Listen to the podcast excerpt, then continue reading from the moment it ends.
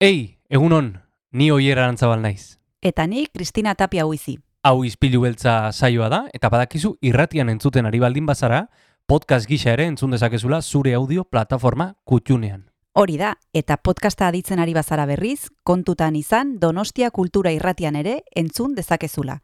FM eundazazpi puntu lau frekuentzian. Sare sozialetan ere topatuko gaituzu noski, izpilu beltza bilatuta, Instagram, Facebook eta Twitterren. Besterik gabe, guazen gaurko saioarekin. Az gaitezen,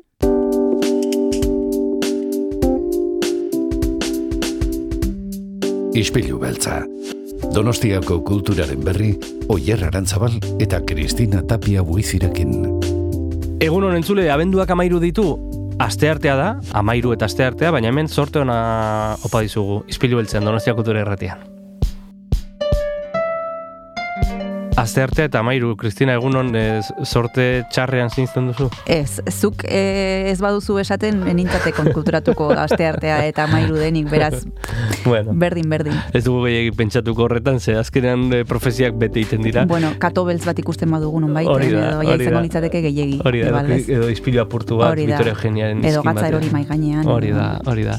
Ez dugu sorte txarrez hitz egingo, gaur sorteduna garelako, gaur jende oso interesgarria pasako da izpilu beltzetik. Hori da, gaur batetik izango dugu Mikel Aspirozekin hitz egiteko aukera, badekizue berak e, gidatzen duela Elkano Browning Cream izena duen eh, taldea, eta bendoren amaseian e, lugaritzen emango dute kontzertua, eta esan bezala berarekin elkarrizketa polita izango dugu, eta gainera, etorriko da e, gurera Ana Pinel, badekizue asteartetan zinemari buruz aritzen garela Kresala Zinekuleko lagunekin, eta berak ekarriko duen pelikulak izena du Los Años de Super 8, badekizu aurten Ani Egnok e, irabazi duela Nobel saria, idazle Bai. frantsesak, eta berak bere semearekin batera, David Egno begiotek e, zuzendu dute pelikula oso bitxi bat, e, beraiek hartutako irudiak dira, e, familiako irudiak, eta bueno, hortik abiatuta pelikula eder bat e, egin dutela esan digu Ana Pinelek, eta, eta ikusiko dugu ze gauza gehiago kontatzen digun berak. Bueno, esan bezala musika, zinema, gauza interesgarri mordoa, gaurko izpilu beltzen, ez deskonektatu, jarraian eh, hasiko dugu eta saioa.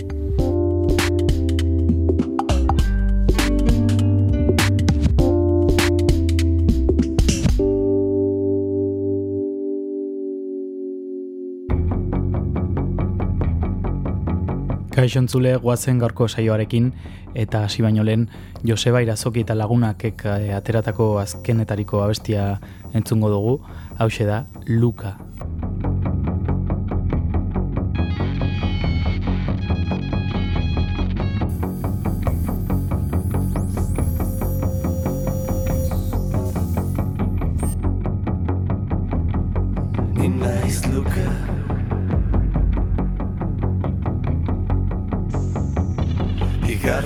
Pisuan bizi naiz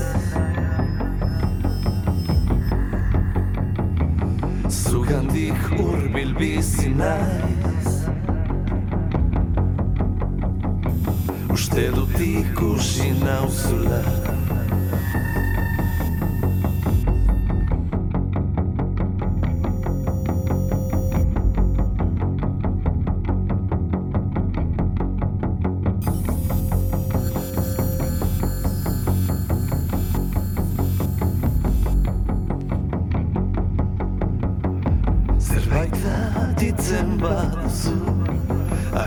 borroka ez galdetu Zer den ez galdetu Zer den ez galdetu Ez galdetu zer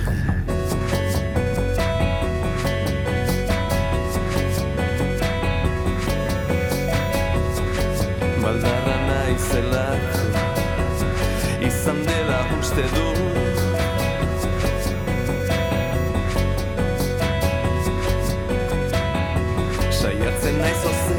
ozen kietzo lasten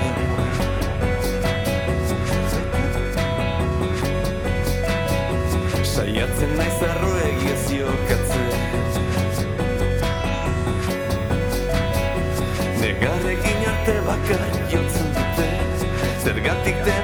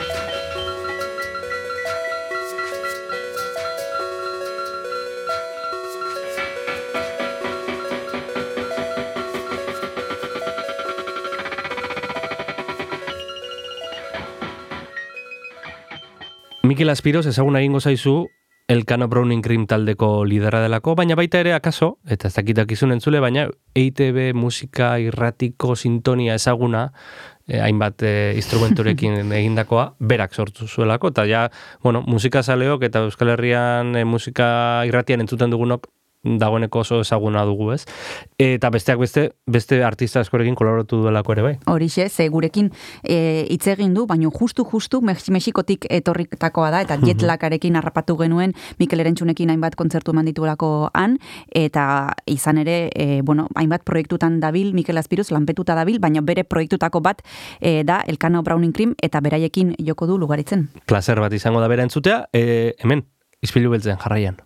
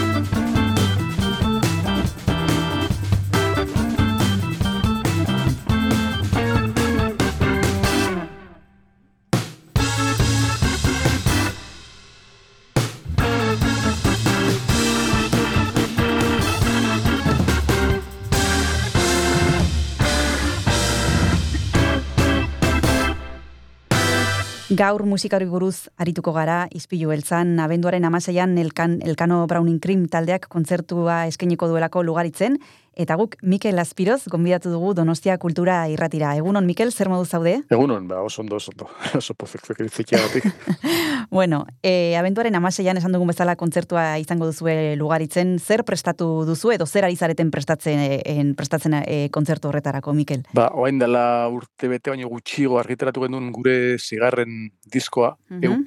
eup, buruarekin. Bai? Eta disko horren inguruko emanaldi izango da. Mm disko horretan dauden abestiak aurkeztuko ditugu, eta gero aurreko diskoetako beste batzuk ere joko ditugu. Esan bezala, 2008 bat garren urtean, azken lana e, argitaratu zenuten, ieup izenekoa, eta nahiko genuke pixkat errepasatzearen disko hortean Mikel ze, ze sartu zenuten, nolakoa da, e, nolakoa da eta zen disko hura? Bueno, ba, disko horretan Elkano Brownen krimen e, konzept oiko, oiko konzeptuaren inguruan eh, indako abestiak dire, oso e, eklektikoak, e, e, bluesa, jazza, ritmo afrikarrak e, nazten dituenak, eta zea, e, e, e, baditugu bi abesti berezi, e, abotsarekin e, garatutakoak, eta Matt Harding e, abeslariak e, abestutakoak bi abesti horiek bi berzio dira, bat e, Peter Toshen e, e, abesti bat, eta bestea e, Will Dixonen beste bat, bai bai abestia. Eta ba, abesti horiek jotzen genitu zuzenean, baina bain ere genitu e, grabatu, eta disko honetarako pentsatu genuen, ba, ba ja, bengo sartzea disko batean. Eta hori hori izango litzeke, nire aldetik zea, e, gauzarik berezina diskokoa. Eta aurreko diskoekin konparatzen badugu eta alderatzen badugu, e, Mikel, zertan da ezberdina azkeneko lan hau? Ba, behar bada, ze, azkeago dori biligea jotzeko garaien, e, hor sartu ditugun abestien tomak nahiko libreak dira, hor e, badagoa beste bat adibidez, ba, ia maika minutukoa, e, zutan suit izena duna, e, desarrollo e, musikal luze batekin, eta parte desberdinakin, eta pixkat suit baten modura komposatutakoa, eta bai, ez dakit, e, e, ez, e, barrutik esatea zendien laketak, ez da, ez da erreza, guk, e, e, abeste berrek egin ditugunen, nik behintzat ez ditute planteatzen ba, modu ezberdin baten hmm, egiteko, hmm. gero irtetzen dien bezala irtetzen dira, ez? Hmm. batzuk, batzuk antzeko goak, beste batzuk desberdinagoak. E, nik esango nuke hori bai, e, Elkano Browning krimekin, beti izan dugun nazketa egiteko nahi horrekin egindako direla. ba, ongi iruditzen baldin mazaizu, guazen entzutera zuen abesti bat, e, Mikel, zer jar dezakegu orain entzulekin partekatzeko, zer retortzen zaizu burura? Ba, oantxe komentatu dizuten bezala, e, grabatu ditugun, abotsak grabatu ditugun oidatik, e, lehenengoa, bueno, diskoaren, diskoko bigarren abestia da, e, abotxerekin egindako lehenengoa disko horretan, eta Matt Hardin abestelariak jotzen du, ma, e, abesten du, Matt Hardin Elkano Browning kimekin e, aurreneko bidiskoetan izan genuen gitar jolea eta, eta abeslaria da, ondoren Dave Wilkinson e, ingelesa sartu zen, baina e, hauek, abesti hauek Matt Hardinek ekarri zituen gure repertoriora, eta beraz, ba, disko honetan grabatzeko, ba, Matt Hardini otzein genion, eta orain entzungo dugu ba, Peter Toshen Stepping Racer. Primero, magoazen entzutera.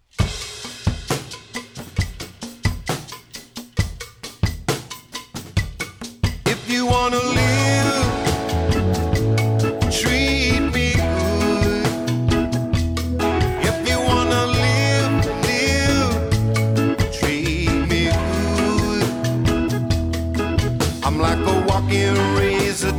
watch my size. I'm dangerous.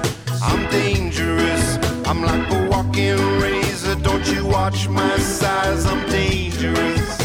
Dangerous. If you are a bully,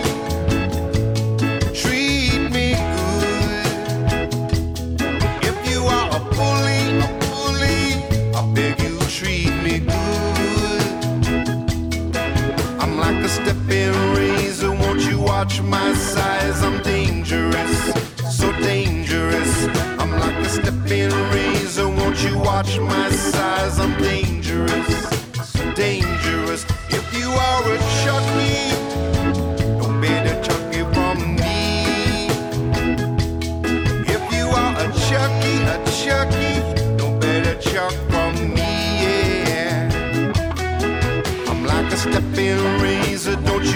My size, I'm dangerous, so dangerous.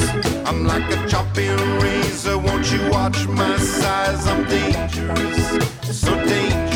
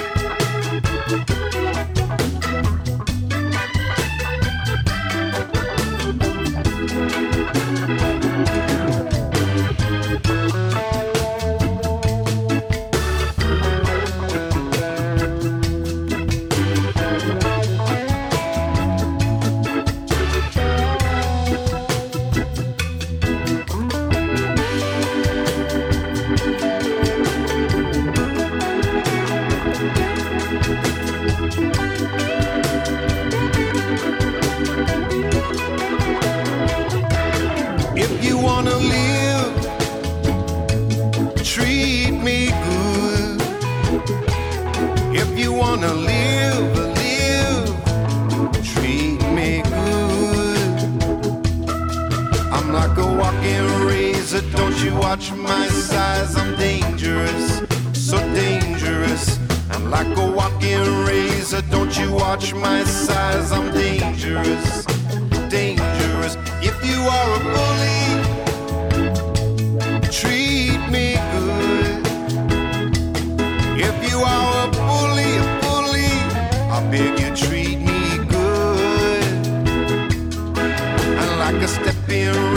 Don't you watch my size? I'm dangerous, so dangerous. I'm like a stepping razor, won't you watch my size? I'm dangerous, dangerous. If you are a Chucky, no better Chucky from me.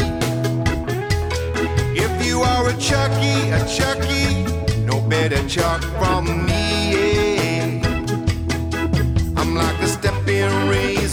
You watch my size? I'm dangerous, I'm dangerous. Like a stepping razor, won't you watch my size? I'm dangerous, so dangerous.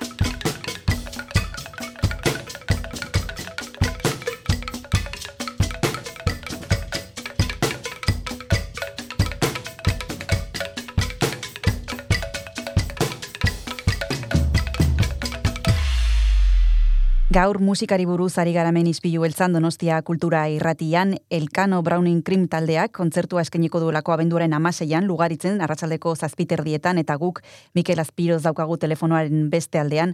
Aipatu duzu, Mikel, eh, kantuak egiten dituzuenean ez duzuela pentsatzen eh, ezberdinak edo igualak edo ez duzue pentsatzen eh, horretan zuek kantuak egiten dituzue eta kito. Baina badago zerbait eh, zuen taldeak eh, definitzen duena, eh, zuen zigilua edo zuen selua izango litzatekena? Nik esango nuke ba, badugula hizkuntza musikal propio bat lortu dugula, e, zea horrekin ez, nasketak egiteko, edo gure personalidade musikal desberdinak e, batera uztartzeko nahi horrekin. E, Frank Mantegari baterista paristarra da, eta berak e, e, artista afrikar pila batekin jo izan du eta Mm, jotzen du. mm. Ba, Alfa Blondi, Mamani Keita, Txektidian, e, eta e, maixua da ba, Afrikako e, sustrai gordinoiek, ba, Europako e, ez dakit, pixkat, e, sofistikatu edo, edo berritzailegoekin hasten eta eta ba, komponente hori oso garrantzitsua da gure gure irukotean, e, berak hartzen duen e, ezaugarri hori. Besteletik Dave Wilkinson gitarrista orain Lena Matt Harding Amerikarra e, hauek ba e, j- jazza eta eta eta bluesa oso nabarmenek hartzen dituzte eta ondoren nik ba, nire jamon organoarekin ere ba, esango nuke nire, nire txikitadik eh, pasio izan den e, bluesa eta jazzarekin ba, hori dana uzertzen dugun eta horre egiten dugun koktel horretatik irtetzen da gure gure ba, ez dakit hizkuntza propio txiki hori ez da. Nik beti dut musikan e, e, erronkarik nabarmenenan eretzat bintzat, zera, espazio txiki propio hori e, aurkitzea dela. Hori da lanik zailena eta nik uste dut elkanorekin ba, lortu dugula urtetan hori hori hortan sakontzea.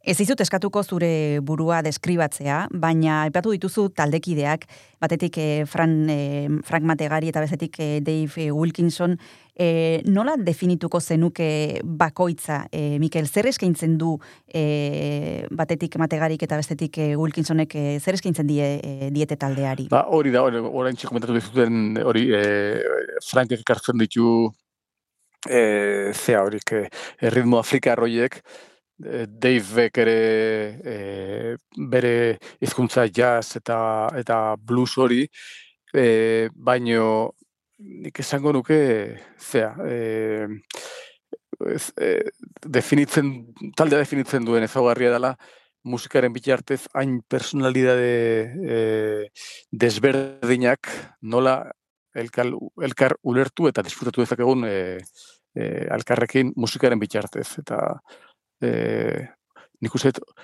eta gero oso oso e, zea, musiko eklektikoak dira. Bai Frank eta bai, bai Dave e, estilo pila entzuten dituzte, e, oso oso forman daude, tengabe ari dira jotzen, batekin eta bestekin, eta, eta, eta gero elkartzen garenean eta urtetan sakondu dugun harreman honen ondorioz, ba, oso eskuzabalak dira. E, e, musika eskaintzerako momentuan, al, al, alkarrekin jotzerako ez nahi dut. Eta, eta ba, niretzako oso, oso aberazgarria da, e, olako e, jatorri desberdinetako musikoekin musike egin izatea. Mm. Mikel, nabaritzen da taldeak e, kimika duenean, hau da, e, etzarete soilik e, limitatzen interpretazio, interpretazio bat egitera. Elkartu, jo, pun, eta kito.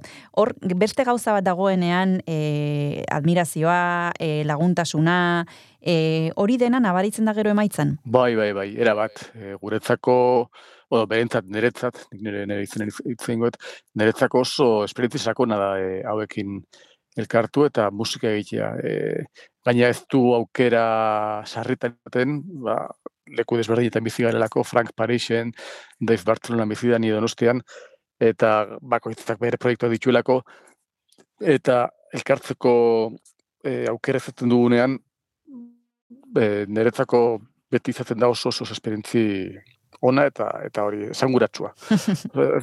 Sakona ez, ez da bat ere harina behintzat niretzat. e, e, ez da e, elkartuta beste batzuk jo eta ospa, ez ez, baizik eta ge, zeremonia puntu bat duen zerbait da. Hmm.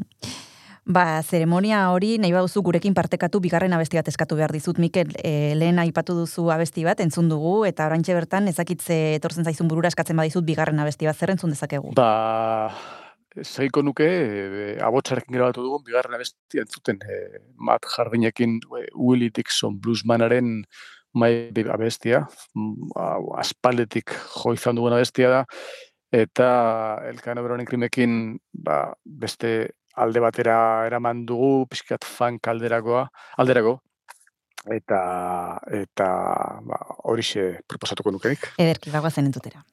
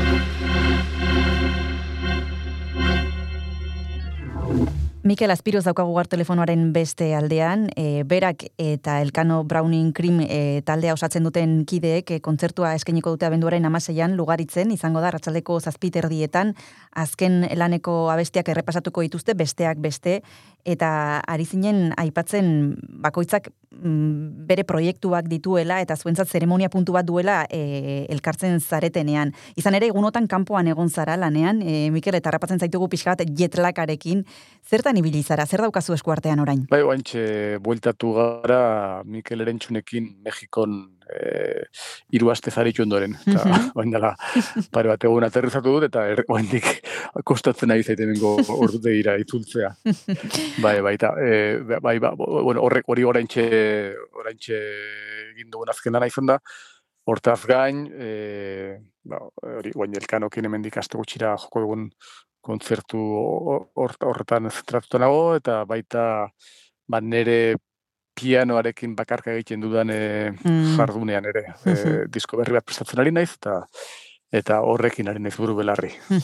Oso proiektu anitzak, ze bakarka pianoerekin, gero Elkani Brown, Elkano Brown Cream, e, Mikel Erentxunekin Mexiko niru astez, e, ze alde dago norberarentzat egiten duzuenan, bakoitz zure buruarentzat lan egiten duzuenan, eta beste batzentzat egiten duzuenean e, lan Mikel aurrekoan, bueno, aurrekoan ez aspaldi egin genuen Elena Odriozola marrazkilariarekin, eta berak esaten zuen ez zituela bereisten e, enkarguak eta lan propioak, ze berak, e, bueno, e, i- berdin-berdin e, nahi zuen eskaini onena, eta ez zuen egiten ba, lan propioa denean pixkate kariño gehiagorekin eta besteentzat zenean ba, bueno, zirripizarrapa ez. Eta ez dakit e, oso proiektu diferenteak dira, ez da gauza bera Mikel Erentxunekin aritzea edo zu bakarrik pianoarekin, e, nola enfokatzen dituzu proiektu bakoitza? Bai, nik, eh, nik ere ez nuke bereiziko eh, e- egindako gogoa, da, proiektu guztiak eh, eh, gogo osoz eh, egiten ditut, baino bai bereziko nukela eh, bak, proiektu bakoitzaren kontestu desberdinetan aritzeak ba, modu desberdinean eh, lan egitea eskatzen dizula. Eta niri hori oso interesgarri iruditzen zait. E, zatik, e, kontestu aldatzen denean, zure burua beste eh, oik, oikoak ez diren beste leku batutara eh, er, eramatea behartuta zaude eta eta era horretara leku desberdinak ezagutze ezagutzera, ezta? Bestela ba, sartuko etzineken e, ataletan sartuz. Eta hori asko gustatzen zait. E, e, proiektu desberdinetan ba, modu desberdinetara lan egitea. Batez ere, hori ba, oso abera, aberazgarria dalako zure burua kontestu desberdin horietan e, e, jartzeko. E, gero, ba, hoxe nire proiektu nagusiak e, nereak dira, ba, Elkano Browning Cream eta, eta pianoarenak. E, baino, horiek bestekin batera e, kombinatzea, ba, oso oso e, ez dakit, ja, aberazgarria da niretzat.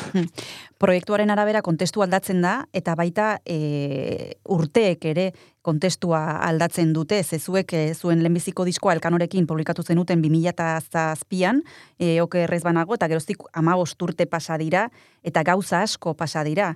Bestak beste pandemia bat, e, musika entzuteko moduak aldatu egin dira, musika erosteko moduak ere bai, egitekoak ere ezakit, e, nola ikusten duzu taldea e, amabost urte hauetan, nola izan da bilakaera? Bai, e, gauza pila pasa dira eta askotan e, nik ere hausna hartzen dut oso erreza izan zitekela e, taldea ba, zehatzea, ez? E, taldeari ba, juten uztea edo, Hmm, hmm. edo ez pageniola e, ez da erreza taldea bizirik mantentzea da, ez, e, energia sartu behar da eta eta ba, ezakit, perezak e, jango bagintu, ba, seguruna utzingo genduke. Baino beste aldetik oso oso e, e, argi dut privilegioa dela, esan dizudan bezala, e, musiko hauekin musika hauekin izatea eta eta hori argi detenez, ba, ez e, erabakita nago aldudan moduan e, proiektu hau bizirik mantentzea, ezta? Naiz eta ezin sarritan elkartu ahal izan. ba, aldegunean e, eginez, eta, bueno, ba, hori, ama urte, sei disko, kontzertu pila bat leku desberdin askotan, e, talde honekin ba, aukera izan du Ego Ameriketan, Ipar Ameriketan, e, Australian, Txinan, Indian, e, Frantzian, zakit, leku askotan jotzeko, eta oso, beti oso esperientzia ber, aberazgarriak izan ditu. E, Orduan, e, atik nahiko nuke, ba, aukera horiek e, irikita mantentzea, ezta? eta hemendik aurrera ere, ba, ba, ez dakit, esanguratsuak diren e, esperientziak eta musikak egin izatea. Orduan, ba, horrela ikusten dut. eta Mikel, holtzaren gainetik nola ikusten dira gauzak? E, publikoa ere e, aldatu da? Diferente ikusten gaitu zue 2000 eta zazpitik e, onea ezakite zuekin hasi den publiko bat den, publiko berria gehitu den, e, Mm. Hombre, nik uste danak uten gara aldatzen ez dago gere, amabos urte gehiago ditugu, e, eta publikoa, bueno, ba, e, publikoa ere nagusitzen ari da ikusten dut ez dela erreza publiko gaztea e, erakartzea, e, baina hori askotan lekuen arabera izan da baita. E, gero, zakit, gutentzea gutxien aspiro duzun lekura eta gazte pila da e, ba, saltoka ez da. E, eta hori oso oso pozgarria da hori E, ez tetela, bueno, niretzat e, publikoaren jotzea, eta nahiz eta publiko aldatu ikusten baldin badezu, e, publiko horrek zuk eskaintzen dezun ordu terdi horretan edo bi orduietan e, bare, bere oikotasunetik atera eta eta disfrutatzeko aukera ematen diozula, ba, orduan ja zure jarduna justifikatuta gelditzen da, oso hori da puzgarrien aguretzat eta horrek bultatzen gaitu e, aurrera egitera.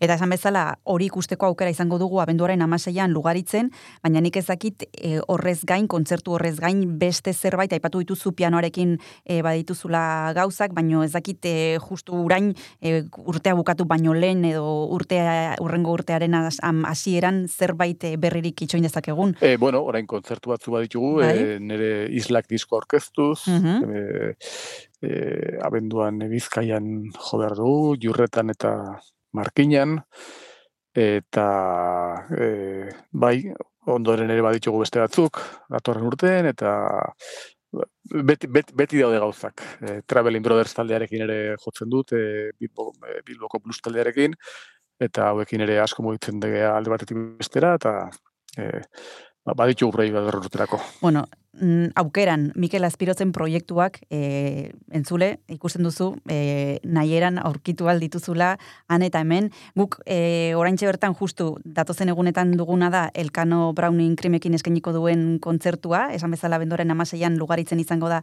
arratsaldeko zazpi terdietan bertan errepasatuko dituzte azken lanaren abesti batzuk eta gero beste batzuk ere nosketa sorpresaren bat egongo da gian esan bezala e, kontzertua Elkano Browning Krim Mikel Aspiroz besteak beste eskerrik asko.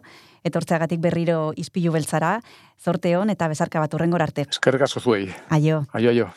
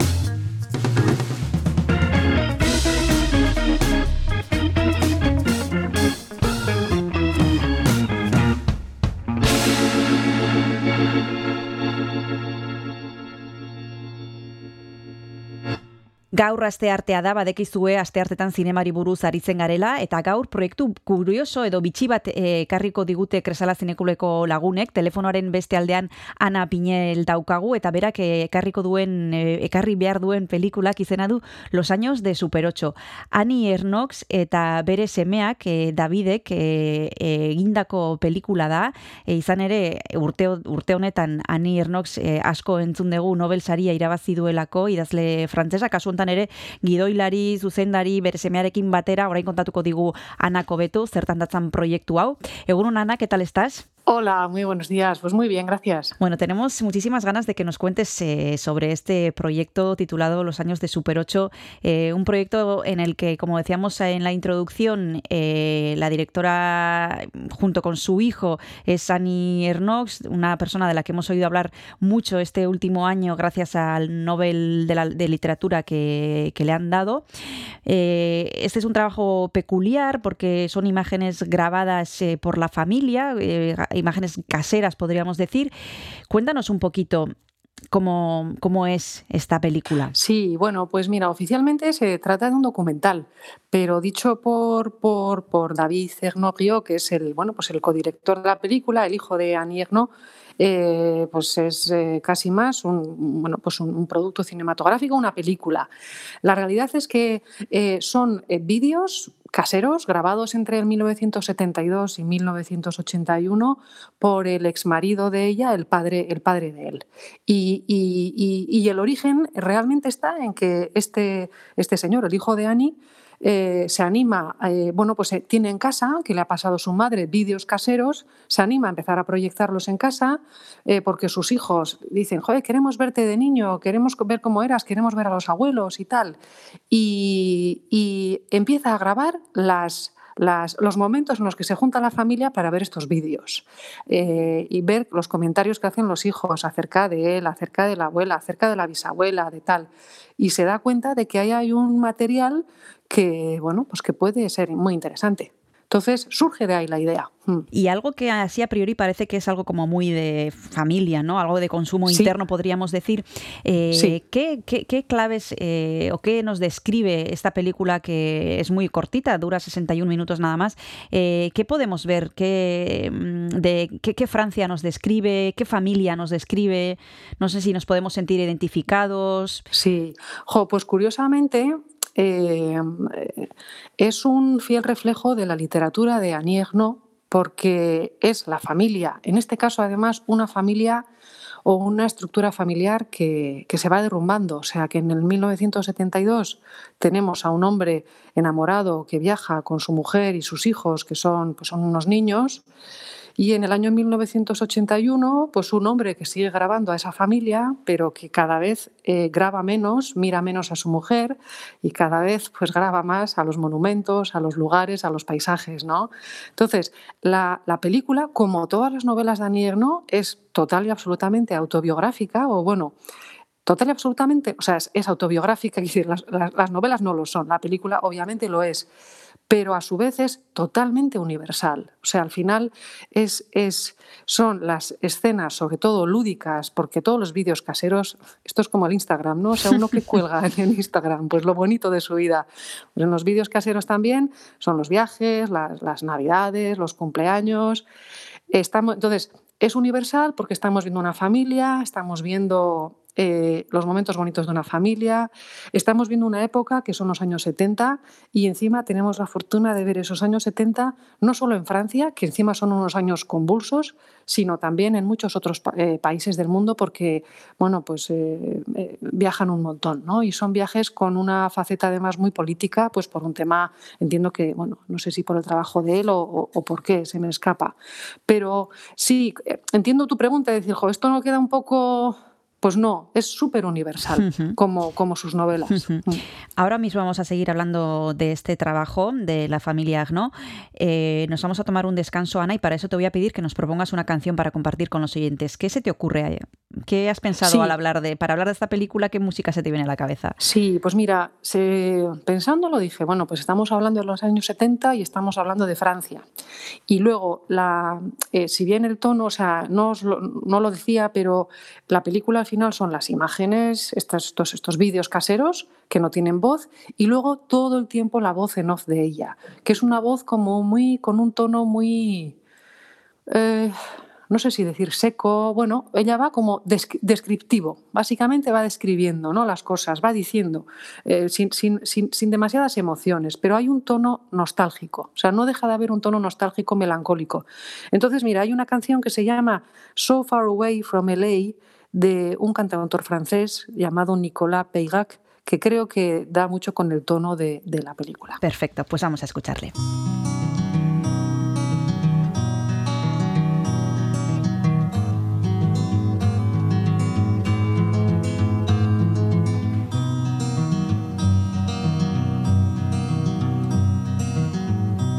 Quelques lueurs d'aéroport étrange fille aux cheveux d'or. Dans ma mémoire traîne encore. C'est l'hiver à San Francisco, mais il ne tombe jamais d'eau aux confins du Colorado. Et le Golden Gate s'endort. Sur Alcatraz, il traîne encore des sanglots couleur de prison. Monsieur Caril Chessman est mort, mais le doute subsiste encore. Avait-il raison ou bien tort? So far away from LA, so far ago from Frisco, I'm no one but a shadow but shadow, shadow. Queen Mary est un hôtel au large de Beverly Hills. Et les collines se souviennent des fastes de la dynastie qui de Carbeau jusqu'à Bogie faisait résonner ses folies far away from LA, so far ago from Frisco. I'm no one but a shadow, but a shadow, a shadow.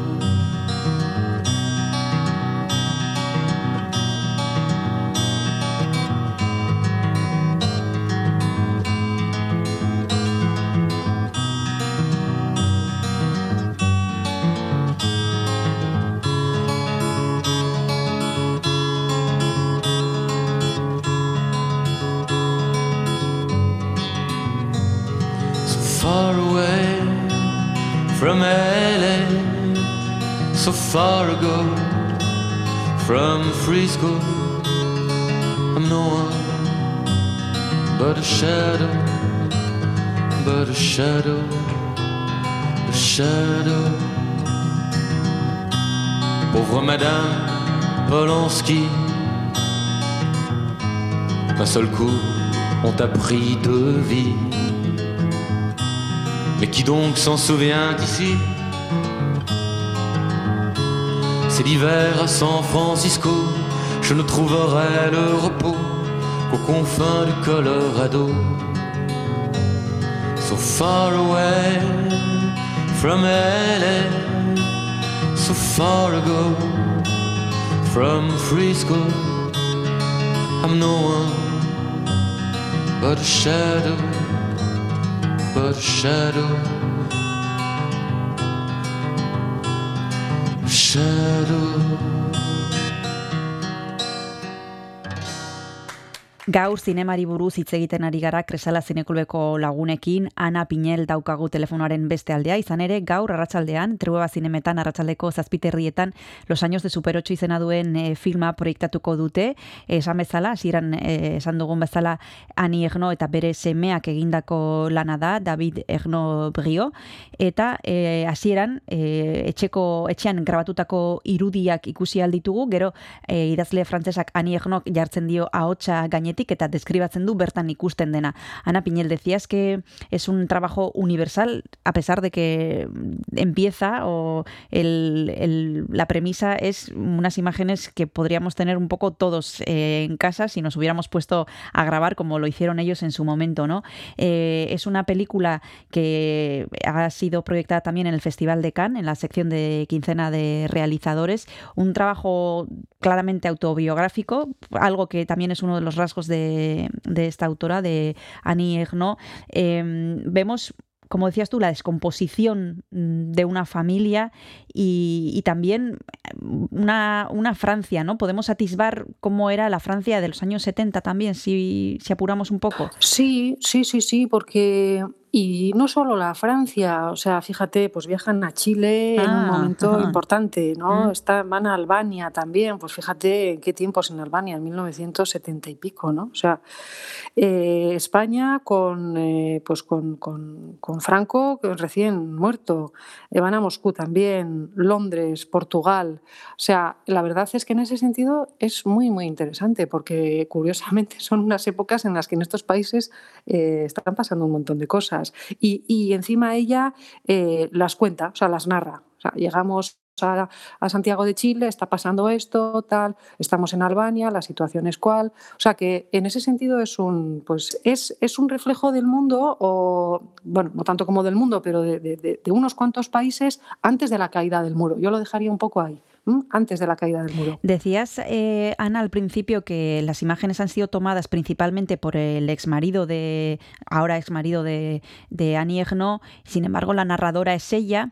No sé cuál sí. es el punto de vista que se impone en la película, si ella es la narradora y, y, cuenta ella las cosas desde su punto de vista o al ser las imágenes tomadas por él también, ¿cómo se conjugan es, es, esos, dos, esos dos puntos de vista? Sí, bueno, es verdad. Eh, a ver, hay una perfecta armonía, no, no o sea, va, va, va, va, encaja muy bien todo. Pero es verdad que una cosa es lo que vemos y otra cosa es lo que oímos. O sea, vemos viajes, eventos familiares, o sea, vemos, digamos, momentos bonitos, ¿no? Y, y, y por otro lado, lo que oímos pues son eh, mucho vaivenes políticos y sociales, pues eso, la muerte de Franco, tema de las plantas nucleares, también habla del calentamiento global, eh, y luego, bueno, pues eh, ella no, no, no, no, se posiciona referente en, en, temas referentes a lo que es la familia, los hijos, el marido y demás, pero va haciendo, va haciendo comentarios, o sea que realmente aporta mucho su voz en off y lo que va diciendo en cada una de esas en cada una de esas escenas. Nos vamos a tomar el segundo descanso, Ana. Nos has propuesto antes una canción de un autor francés para acompañar a esta, este comentario aquí de los años de Super 8. Para el segundo descanso, ¿qué se te ocurre? Bueno, pues se me ocurre otra que entiendo que es un clásico de los 70, si no será de los 80, pero es que es, es, es puro es puro pitorreo, que es eh, justo un poco lo contrario. Eh, Claude François, la canción Alexandrie, Alexandra, que ya solo el vídeo el, el vídeo de la canción es, es para verlo y cómo, cómo han cambiado los tiempos. Perfecto, pues vamos a escucharla.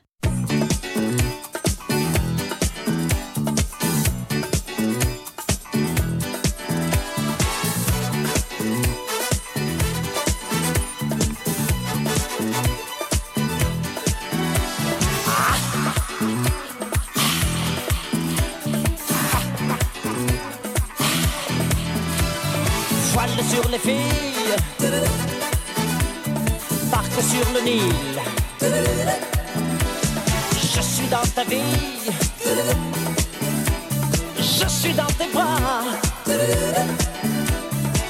Alexandra, Alexandrie, Alexandrie où l'amour danse avec la nuit.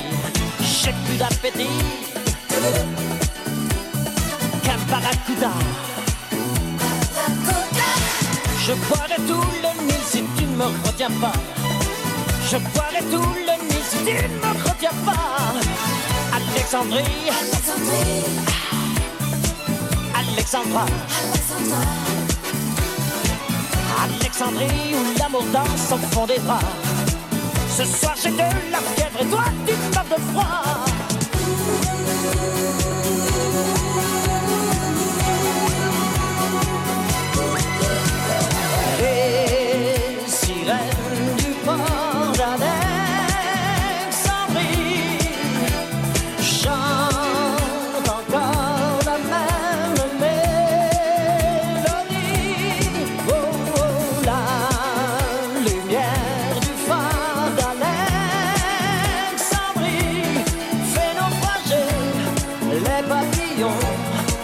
La jeunesse.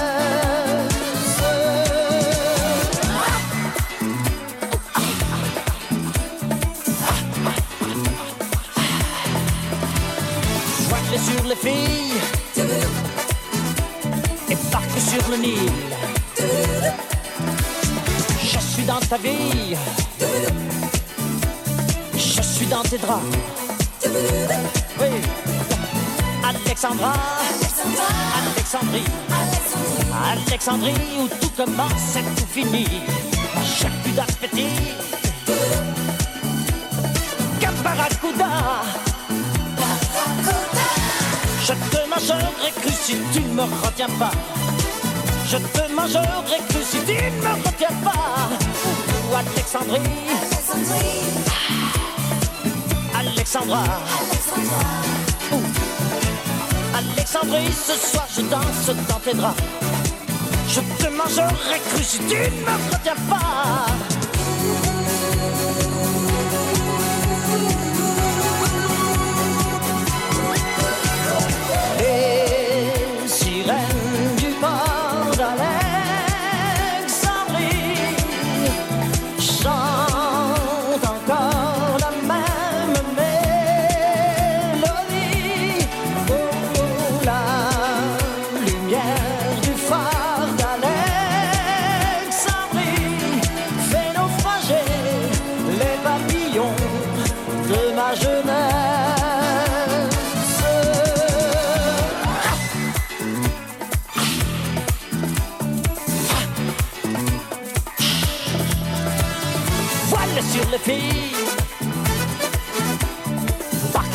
Oh, Alexandrie, Alexandra, ce soir j'ai de la fièvre toi tu meurs de froid. Ce soir je danse, je danse, je danse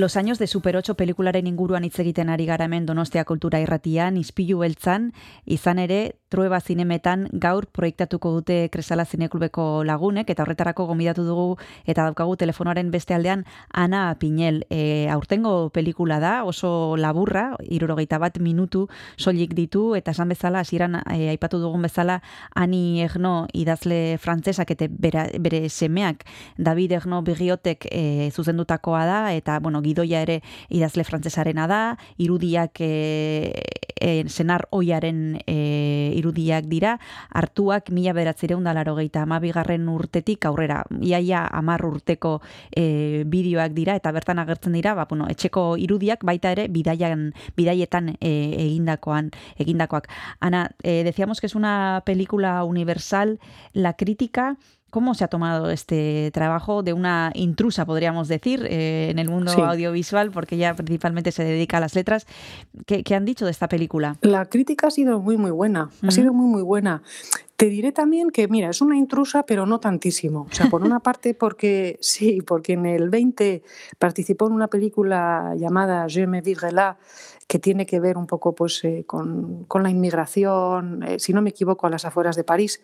Y luego sí que se han hecho tres películas basadas en sus novelas, pero es verdad que, bueno, que ya no ha intervenido en ellas. ¿no?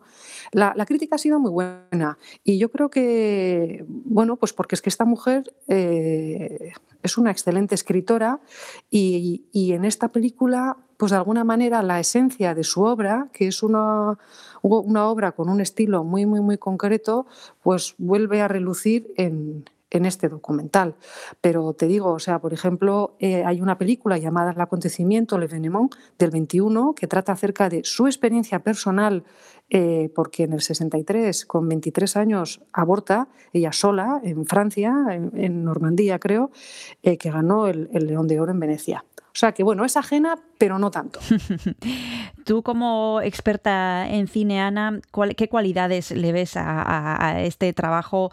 Eh, algunas seguramente ya las habremos citado, pero por Sí. resumir, eh, cinematográficamente y en cuanto al guion, por ejemplo, ¿qué cualidades eh, le ves a este documental tan curioso? Sí, bueno, pues mira, es verdad que, curiosamente, claro, frente a cualquier otra película, aquí realmente tenemos unos vídeos caseros que se han organizado, se han, se han editado, digamos, y, y en ese sentido, bueno, pues eh, el, el- el que, el que hizo la película fue, digamos, el exmarido, ¿no? O sea, Sí. eh, el que esas imágenes vienen del exmarido y lo que él decidió grabar. Lo que pasa es que yo creo que lo, lo, eh, lo bonito aquí es cómo, de qué manera eso se ha ordenado, de qué manera eso se ha, clasificado, se ha seleccionado sobre todo, porque debía de haber muchísimo material, y luego de qué manera eh, ella eh, pues, eh, ha hecho un camino con todo ello, ha hecho un guion, una historia y ha aportado mm, a cada una de esas situaciones o de, o de esas escenas un comentario que podía haber sido por completo cualquier otro comentario. O sea, realmente es, para mí es el guion lo que, lo que luce aquí y, y- y un guion y una forma de, y una forma de narrar. Eso es, sí. ¿Esta película para qué tipo de público es? ¿A quién se la recomendarías? Eh, ¿Nos va a resultar fácil Sí. de entender? ¿Va a ser una de esas películas que nos va a reclamar tiempo para, para ir comprendiéndola poco a poco? ¿O no? ¿Esto es para todos Ya. los públicos? ¿A- ¿Tú a quién se la, se la recomendarías? A ver, en cuanto a facilidad y demás, sin ninguna duda para todo el mundo. De cara a interés, pues yo te diría que igual eh, estamos hablando de una generación eh, ya con hijos. O bueno, ya con hijos o ya en el entorno con amigos o familiares con hijos. O sea, a partir de los 30 años, una cosa así. Mm, Desde luego, en, mi caso, que, bueno, que me estoy acercando a los 50 eh, y que encima que crecí en, en la década de los 70, pues me resulta súper interesante. Pero sin ninguna duda, pues eh, yo creo que a partir de los 30 años te puede resultar muy interesante porque empiezas ya a pensar en cosas como son pues la familia, las relaciones familiares y luego pues bueno, pues también como un poco un documento histórico que puede resultar interesante a cualquiera, ¿no? Sin entrar ahí en, grandes profundidades. Bueno, pues como hemos dicho, esta tarde a las siete y media en los cines Trueba tendremos ocasión de disfrutar de los años de Super 8, un trabajo mm, eh, entre madre e hijo, Annie Ernaux y David Ernaux Briot, eh, la dirección, el guion, bueno, un poco mezclado todo, las imágenes tomadas por el padre del de, hijo de Annie Ernaux. Bueno, eh, un proyecto muy curioso, pero muy recomendable porque nos va, nos va a llevar a diferentes países y también a una familia que pues podría ser la nuestra según las edades, pero bueno, podríamos vernos reflejados, como ha dicho Ana Piñel, es una historia universal. Muchísimas gracias, eh, Ana, por habernos traído este trabajo tan peculiar y tan interesante y nos vemos, nos vemos y nos oímos eh, próximamente con, el, con la siguiente película. Es que ricasco eta besarka da bat. Bueno, berdin, zuri. Agur. Agur.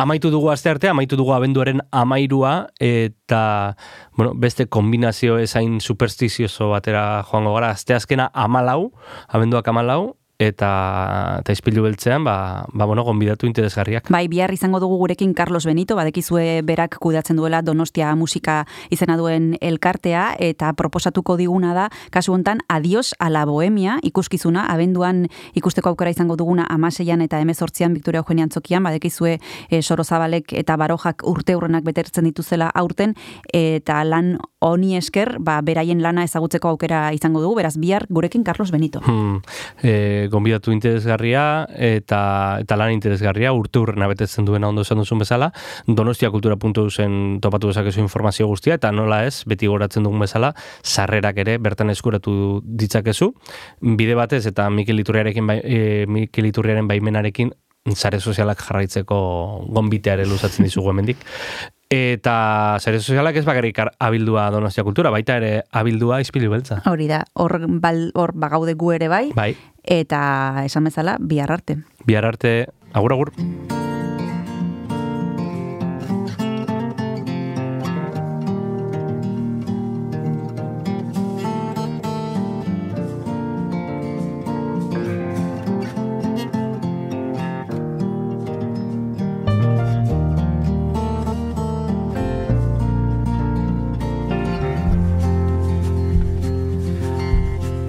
Is how I tell it. Oh,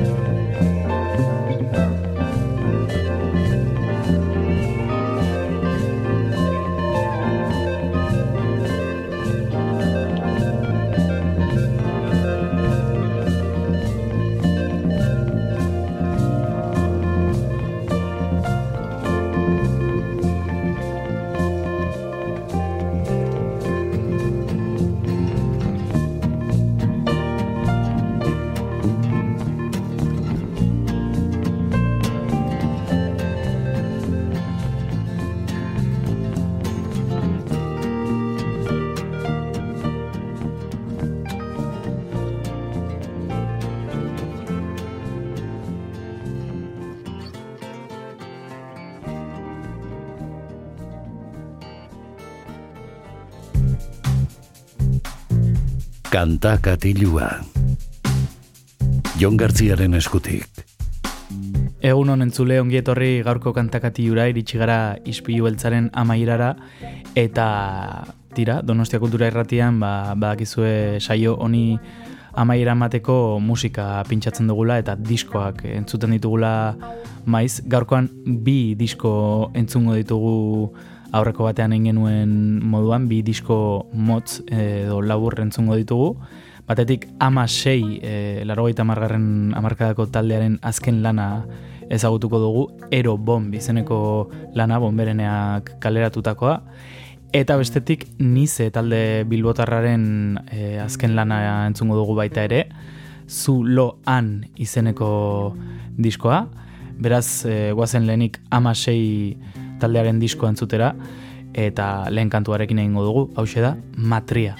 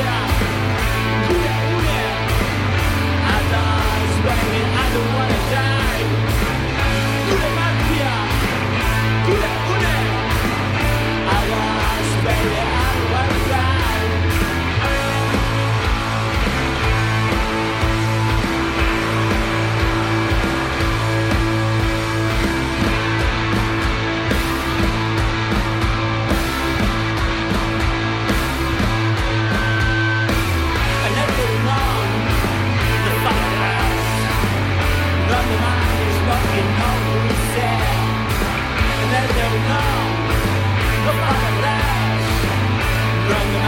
knocking on his head.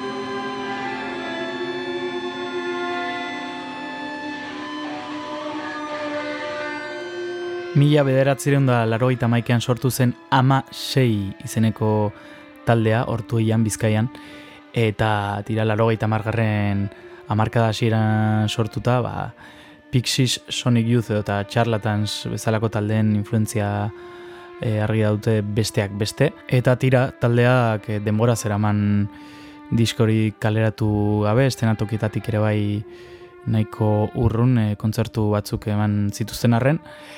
Eta ba, orain honetan bomberenaren hogeita bosgarren e, urte hurrena ospatzeko egin duten diskoa izan da, Ero Bomb izeneko hau. Eta tira e, taldeak e, ba, sare sozialetan eta interneten mezu bat e, plazaratu du honen arira, batetik e, aldarrikatu zaien ba, langile edo auzo jende izaera mehatze aldekoak direla e, aldarrikatuz, baita ere ba, politikaren garrantzia azpimarratuz e, musika egiterakoan, eta bestetik bonberenearen eta orokorrean kolektiboak daukan garrantzia aldarrikatu dute, izan ere eza kasualitatea ero bomb e, izena, bombero eta bonberenearen e, horre hitz jokua e, aprobetxatu dute, eta aipatu duten moduan Aerobomb kolektiboaren ospakizuna da, e, Aerobomb kontroli gabeko bomba bat da, kaskarkeria eta etxipenaren aurrean sormena eta kintzarekin erantzuteko. Bomberok egiten duen eran, izan ere bombereneak aipatu dugun moduan hogeita bost urte bete ditu, eta hausia izan da amasei taldearen e, ospakizuna, Bertan parte hartu dute e, bai musikan eta bai ekoizpenean txap e, Carlos Osinaga musikarita teknikariak eta baita ere Gorka Mikel, Topo eta Gontzalekin batera egin dute diskoa. E, kolaborazio baten batekin ere bai, Arima taldeko Paulerekin esaterako. Guazen entzuten eta ezagutzen jarraitzera disko derrau, entzun duguna izan da noizean behin, horrere hitz jokua erabili dute, eta entzungo duguna hain zuzen ere Ero Bomb izeneko kantua. Zutan